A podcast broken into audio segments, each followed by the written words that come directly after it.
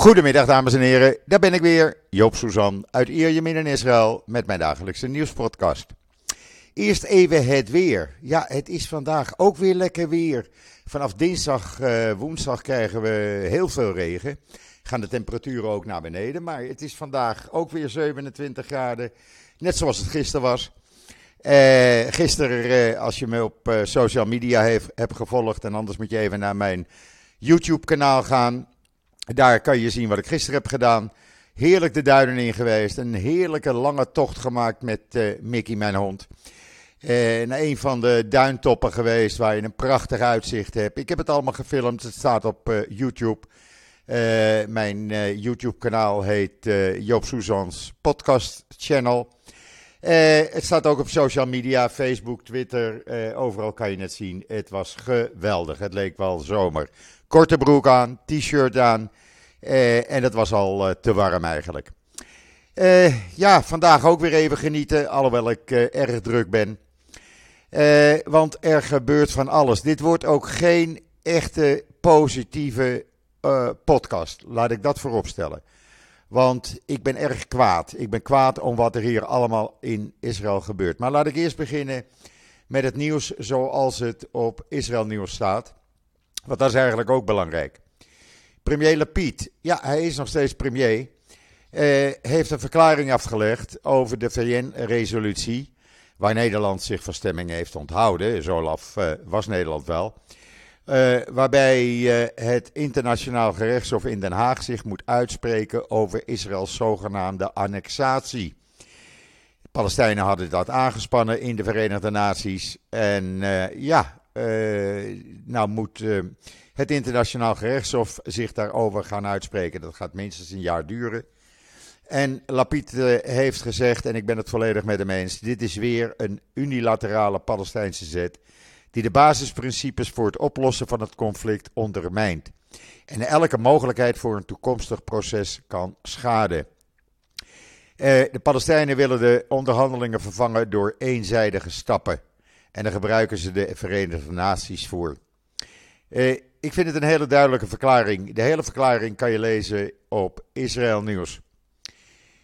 Uh, dan, uh, ja, de IDF is ook weer uh, bezig geweest. Die heeft weer vijf terreurverdachten opgepakt. Er staat een video en foto's van op Israël Nieuws. En gisteren hebben ze bij daglicht, en dat gebeurt zelden, bij Jenin, wat ook al een gevaarlijk punt is voor de IDF, met zoveel terroristen daar, hebben ze een uh, Islamic Jihad-terrorist opgepakt die in augustus was vrijgelaten. Na jarenlange gevangenisstraf. En gewoon weer vrolijk door is gegaan met waar hij voor de gevangenis in, in is gegaan. en daarnaast proberen geld los te weken in binnen- en buitenland voor de Islamic Jihad, voor de terreuractiviteiten. Ze hebben hem opgepakt gisteren meneer Mohammed Abu Zina. En ja, hij zit nu weer vast. Moet je het bij niet doen, zou ik dan zeggen. Dan, dan loop je ook niet het risico dat je weer vast komt te zitten. de video van die actie staat in Israël Nieuws. En dan de klimaatconferentie in Sharm el-Sheikh. Daar is Israël natuurlijk ook heel druk mee. Daar hebben ze allerlei congressen, organiseren ze daar. En ze kwamen nu met een congres voor de creatieve oplossing van de wereldwijde voedselcrisis. om alternatieve eiwitten te gaan gebruiken, waaronder gekweekt vlees en plantaardig vlees. Die bieden een optie die kan leiden tot de vermindering van de uitstoot van, het broeikas, van de broeikasgassen tot wel 92 procent in vergelijking met het gebruik van conventioneel vlees.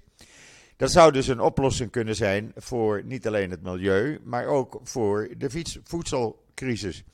Want eh, vlees uit, uh, ja, gekweekt in laboratoria, eh, daar kan je onbeperkt eh, kan je dat eh, kweken en eh, op de markt brengen.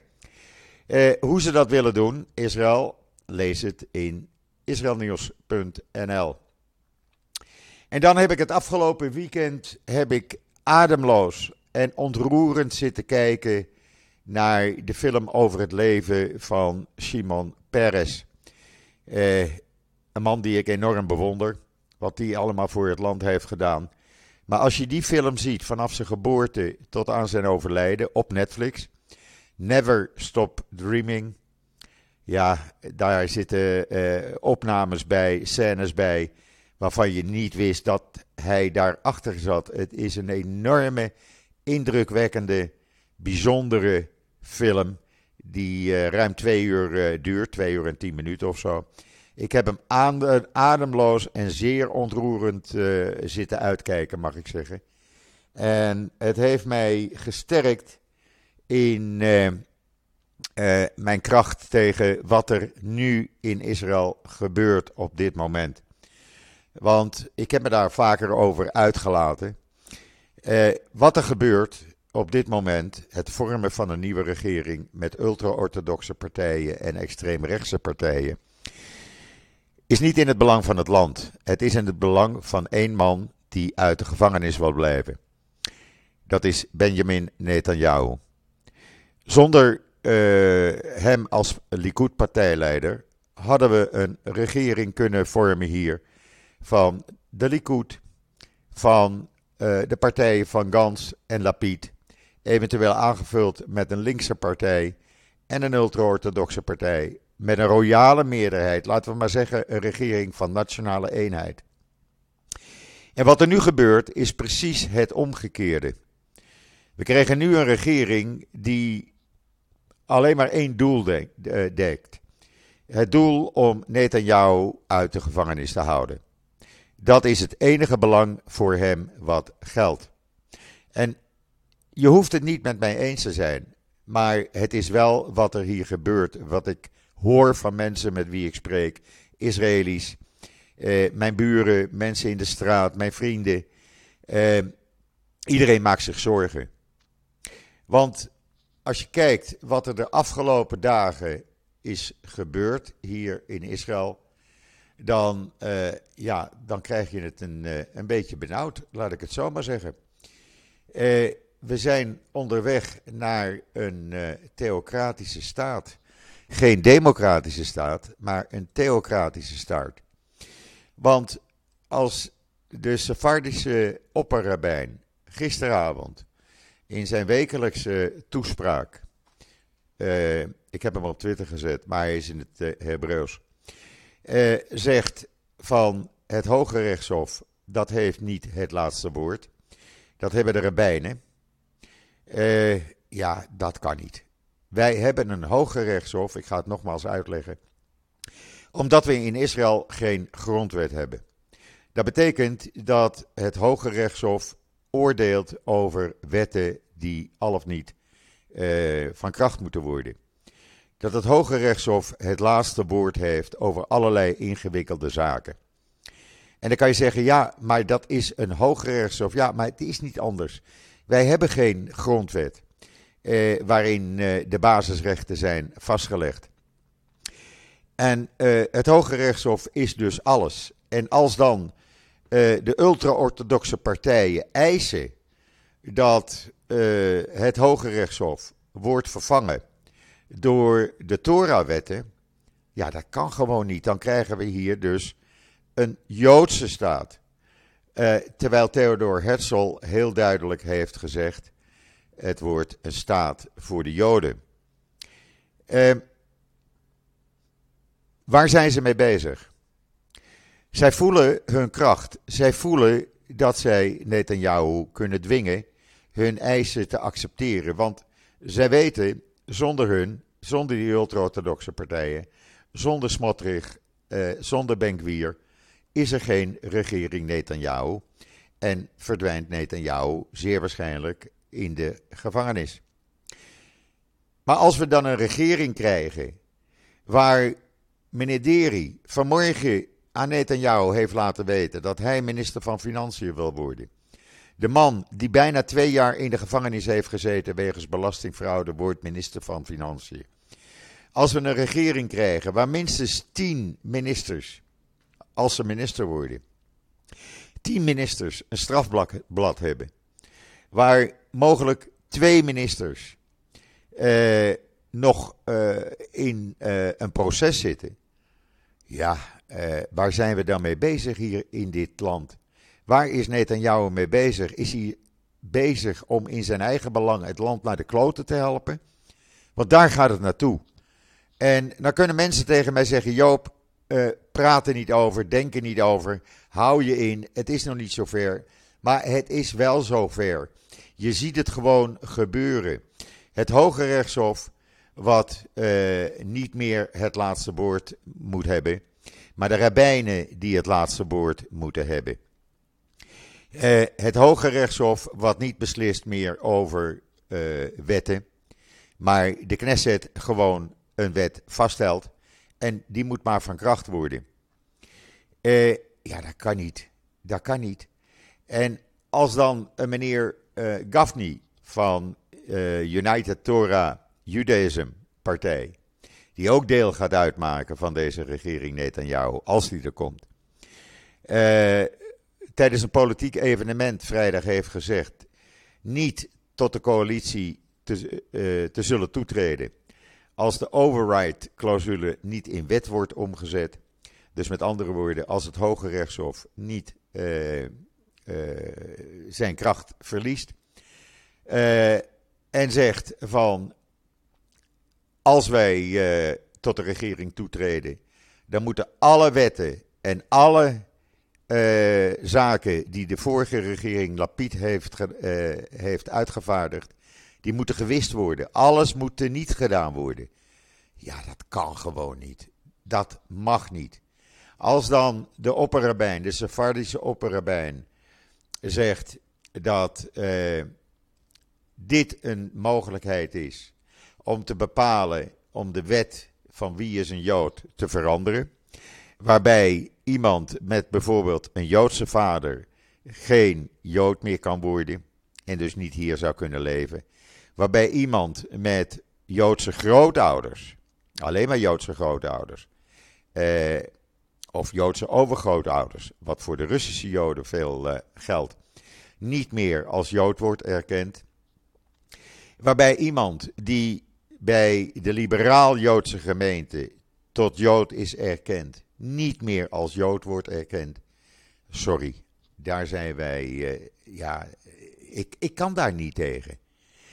Eh, het Jodendom wordt dan alleen bepaald volgens deze rabbijnen en volgens deze ultra-orthodoxe partijen. Door, uh, tot, het wordt beperkt tot mensen die zijn geboren uit Joodse ouders. Of zich bij ultra-orthodoxe uh, rabbijnen tot het Jodendom hebben bekeerd. Als dan de huidige opperrabijn zegt, de Sephardische opperrabijn zegt, dat uh, dit een orthodoxe staat moet worden en geen reformatorische of democratische staat. Ja, sorry, dat kan gewoon niet. Dat mag gewoon niet. En dan kom ik weer terug op Simon Peres, die zo vaak voor moeilijkheden heeft gestaan en altijd op een gegeven ogenblik ergens met een oplossing kwam. En dat gebeurt nu niet. En ik blijf dromen. Ja, ik zal nooit stoppen met te dromen. Want dit is een staat voor Joodse mensen. En of je nou orthodox bent, of seculair, of traditioneel, het maakt niet uit. Joodse mensen kunnen hier wonen. En iemand die tot het Jodendom is bekeerd bij een liberaal-Joodse gemeente, kan hier wonen. En dat mag ook. En waarom mag dat niet? Waarom moeten dat alleen maar orthodoxe, ultra-orthodoxe Joden zijn. Wat is het verschil tussen iemand die ultra-orthodox is of seculair is? We zijn allemaal Joden. En dat maakt niet uit hoe je je Jodendom beleeft. Beleef je je Jodendom door alleen vrijdagavond te maken? Prima. Beleef je je Jodendom door op Shabbat lekker naar familie te gaan, een reis te maken of lekker naar het strand te gaan? Prima. Beleef je je Jodendom door op Shabbat in de synagoge te zitten? Prima. Beleef je je Jodendom door op Shabbat je absoluut aan de Torah-wetten te houden? Prima. Maar als je je Jodendom beleeft op een andere manier, dan moet dat kunnen. En het is niet zo dat rabbijnen mij en anderen gaan vertellen hoe ik moet leven. Dat bepaal ik zelf. Ik heb ervoor gekozen om hier in Israël te gaan leven. Om hier met mijn grote liefde een nieuw leven op te bouwen. Helaas is mijn liefde mij ontvallen vier jaar geleden. Maar dat betekent niet dat ik hier uh, zou moeten verdwijnen. Want dat is het alternatief. Als deze rabbijnen hun zin krijgen omdat één man niet in de gevangenis wil komen. En dus doordrukken wat zij al jaren willen. Ja, sorry, dan wordt dit een land waar honderdduizenden mensen eh, eh, uit zullen verdwijnen. Honderdduizenden mensen zullen uit Israël weggaan. Want die willen niet leven zoals rabbijnen bepalen. Die willen leven zoals zij zelf bepalen. En dat mag ook. Het is een vrij land. We zijn een democratische staat. En er gebeuren hier op het ogenblik dingen waarvan ik zeg: dit kan niet, dit mag niet. En meneer Smotrich, die drie maanden in de gevangenis heeft gezeten, omdat hij terreuraanslagen van plan was op de Ayalon tijdens uh, in 2005 toen Israël zich terugtrok uit Gaza. Daar was hij het niet mee eens. Hij is toen op tijd opgepakt met explosieven in zijn auto. En deze man, die wil minister van Defensie worden. En meneer Smotrich, die 53 keer is opgepakt wegens terroristische daden tegen Palestijnen, tegen Arabieren. Die wil minister van Politie en Openbare Veiligheid worden. Waar is Netanyahu in vredesnaam mee bezig? Kan hij niet gewoon aftreden? En kan dan niet een normale regering samengesteld worden? Is hij, weet hij zo zeker hoe fout hij is geweest? Dat hij de gevangenis indraait? Dat hij daardoor alles doet om dat tegen te gaan? Is dat wat er aan de hand is? Het lijkt er sterk op. Maar dit, wat er nu gebeurt, mensen, ik slaap er s'nachts niet van. Ik zeg dat openlijk, het is verschrikkelijk. Ik zie dit prachtige land, dit prachtige land, door een stelletje rabbijnen en Netanyahu naar de kloten gaan. En dat mag niet. Dat zal ik op allerlei manieren die mij te diensten staan tegengaan. Ik kan dat alleen maar doen in woord en geschrift en zal dat ook blijven doen. Ik zal daar niet mee stoppen. Echt niet. En het is ook niet het laatste keer dat ik het daarover zal hebben. Want er zal de komende uren, de komende dagen, de komende weken nog van alles en nog wat gebeuren die gewoon in de openbaarheid moeten. En ik vind het als mijn taak om dat te doen. Ik heb er met anderen over gesproken. Ik heb gezegd: moet ik het naar buiten brengen of moet ik het stilhouden? En iedereen zegt tegen mij: Joop, breng het naar buiten. Laat de wereld weten wat hier gebeurt. Laat de wereld weten wat Netanyahu aan het doen is. Hij heeft enorm veel voor Israël betekend. Maar waar hij nu mee bezig is, dat kan niet. En daarom verlang ik terug naar een periode waarin Simon Peres zijn lief en leed, zijn leven gaf voor het opbouwen van de staat Israël. En kijk die documentaire als je hem nog niet hebt gezien, want het is iets bijzonders. Echt waar. Eh, ik raad dat iedereen aan om te gaan kijken. Eh, is er dan geen ander nieuws? Ja, er is ook ander nieuws. Eh, een eh, commissie van uh, hele belangrijke economische experts hier in Israël. Die hebben gezegd, en ik geef ze daar gelijk in. Uh, het belangrijkste wat een eventuele nieuwe regering moet doen, en of dat nou Netanyahu is of Pietje Puk, ze moeten zich niet meer richten op de high-tech-industrie. Ze moeten de problemen van de stijgende prijzen van de consumptiegoederen eh, aanpakken. Ze moeten de problemen van de huizenmarkt aanpakken, die totaal uit de hand loopt. Er zit geen rem op de prijzen van consumptiegoederen, en het land was al duur. En er zit geen rem op de prijzen van de huizen, die met 20% al gestegen zijn. Ja, de inflatie is maar 4,6%. Maar dat betekent niet dat de prijzen daarmee stijgen. Die stijgen met veel meer. Want die importeurs die hebben onderlinge afspraken en die doen maar. En de regering kan of wil ze niet tegenhouden. En dat moet stoppen. We zijn overgeleverd aan een aantal importeurs die bepalen wat de prijs van een kopje koffie is. Laat ik het maar zo zeggen. En dat kan gewoon niet. Daar moet eens een keer een stop aan komen. En anders moeten we maar, maar weer, zoals in 2011, met z'n half miljoenen en meer gaan demonstreren. Want dat werkte toen. Ander nieuws, ja, is er ook. Want uh, multifaith-leiders vanuit de hele wereld. Die komen vanmiddag bij elkaar. Niet alleen in Jeruzalem, niet alleen in Londen, niet alleen in Sharm el-Sheikh. Maar in een heleboel plaatsen in de wereld. Om de wereldleiders op te roepen tot klimaatberouw. En de tien klimaatprincipes te implementeren. Uh, in Londen vindt het plaats uh, aan de voet van Parliament Hill. In Israël vindt het plaats in Jeruzalem. Uh, ik weet niet waar het in, uh, of het in Nederland plaats zal vinden. Misschien is in Nederland is men drukker met Sinterklaas, kan ook. Maar in ieder geval, er gebeurt wat en ik steun ze. En dan een Israëlische rechter die afgelopen woensdag een jongen van 17 jaar tot uh, vijf jaar gevangenisstraf had veroordeeld wegens aanranding van een tienjarig meisje. Die staat nu onder zware beveiliging. En waarom? Omdat uh, er was tien jaar geëist en de ouders en familieleden van dat meisje willen ook tien jaar gevangenisstraf. Dat heeft ze niet gedaan. Die ouders zijn het daar niet mee eens.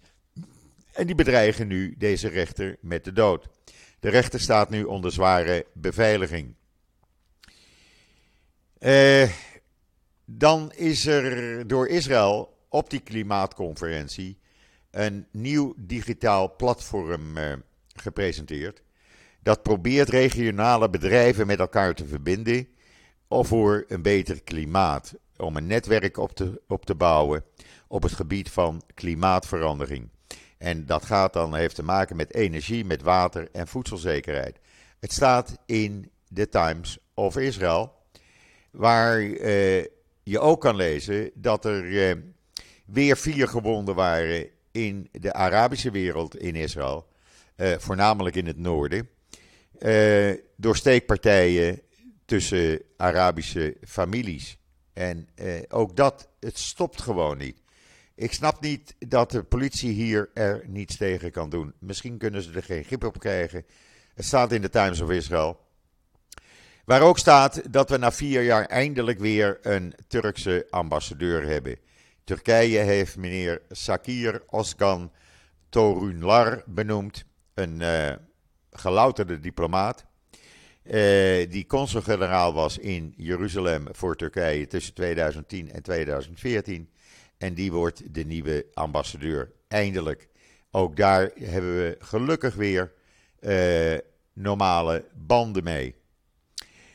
En dan, ja, gisteren kreeg ik het al toegestuurd door mijn vriendje Kobi Ziegler.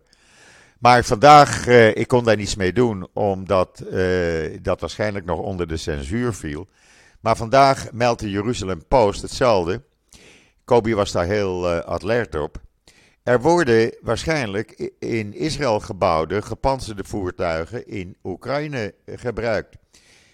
er is een videootje in de Jeruzalem Post waarop je kan zien dat de in Israël gemaakte Gala Amir panzervoertuigen zijn gespot in de buurt van Gerson in dienst van het Oekraïnse leger. Er is geen bevestiging uit Israël, er is geen bevestiging uit Oekraïne. Niemand weet hoe ze er aankwamen. Eh, maar ze rijden wel rond. Eh, en dat is wel opvallend. Eh, want het was de eerste keer dat die uh, panzervoertuigen daar waren gesignaleerd. Heel interessant, lees het in de Jeruzalem Post. Uh, ja, dat was het eigenlijk zo een beetje voor vandaag. Uh, jullie weten dat ik, uh, ja, gewoon kwaad ben. En ik, ik, wil, ja, ik wil niet dat er gebeurt wat er misschien gaat gebeuren hier in dit prachtige land. En laten we gewoon met z'n allen als normale mensen gaan vechten om te behouden wat we hebben. In een land waar iedereen wordt gerespecteerd. En waar niet zo is dat als je niet ultra-orthodox bent, je moet leven volgens de ultra-orthodoxe wetten. Zover mag en kan het niet komen, mensen. Ik blijf het volgen. Ik blijf het op de hoogte. Ik blijf jullie op de hoogte houden. Want uh, er zal nog wel meer naar buiten komen. Uh, we gaan het zien. We gaan zien wat er gaat gebeuren in de komende uren, komende dagen, komende weken. En uh, ja, zodra er weer wat naar buiten komt, ben ik de eerste die het meldt. Goed, dat was het voor vandaag. Vanavond hebben we Max Verstappen. Hij start van plek 3. Ik hoop dat hij de eerste plek gaat halen. We gaan het meemaken. Ajax zit ook niet lekker in zijn vel. Daar moet ook wat veranderen. Daar ben ik ook teleurgesteld over, zoals velen. Uh, maar goed, uh, we krijgen eerst het wereldkampioenschap voetbal. En we zullen zien wat er dan in januari met Ajax gaat gebeuren. we hebben nog heel wat te zien en te bekijken. Ik wens iedereen een hele fijne voortzetting van deze zondag, de 13e november. Ik ben er morgen weer en zeg zoals altijd: tot ziens, tot morgen.